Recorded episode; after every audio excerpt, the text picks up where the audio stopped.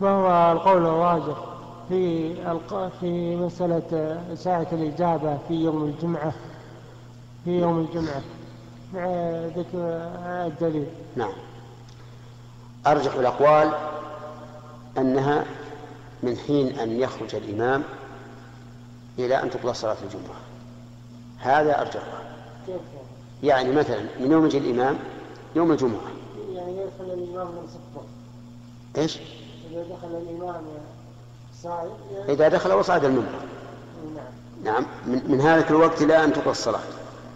لأن هذا ثبت في صحيح مسلم عن أبي موسى الأشعري رضي الله عنه وهو أيضا مناسب للإجابة لأن الناس يجتمعون فيها على فريضة من فرائض الله.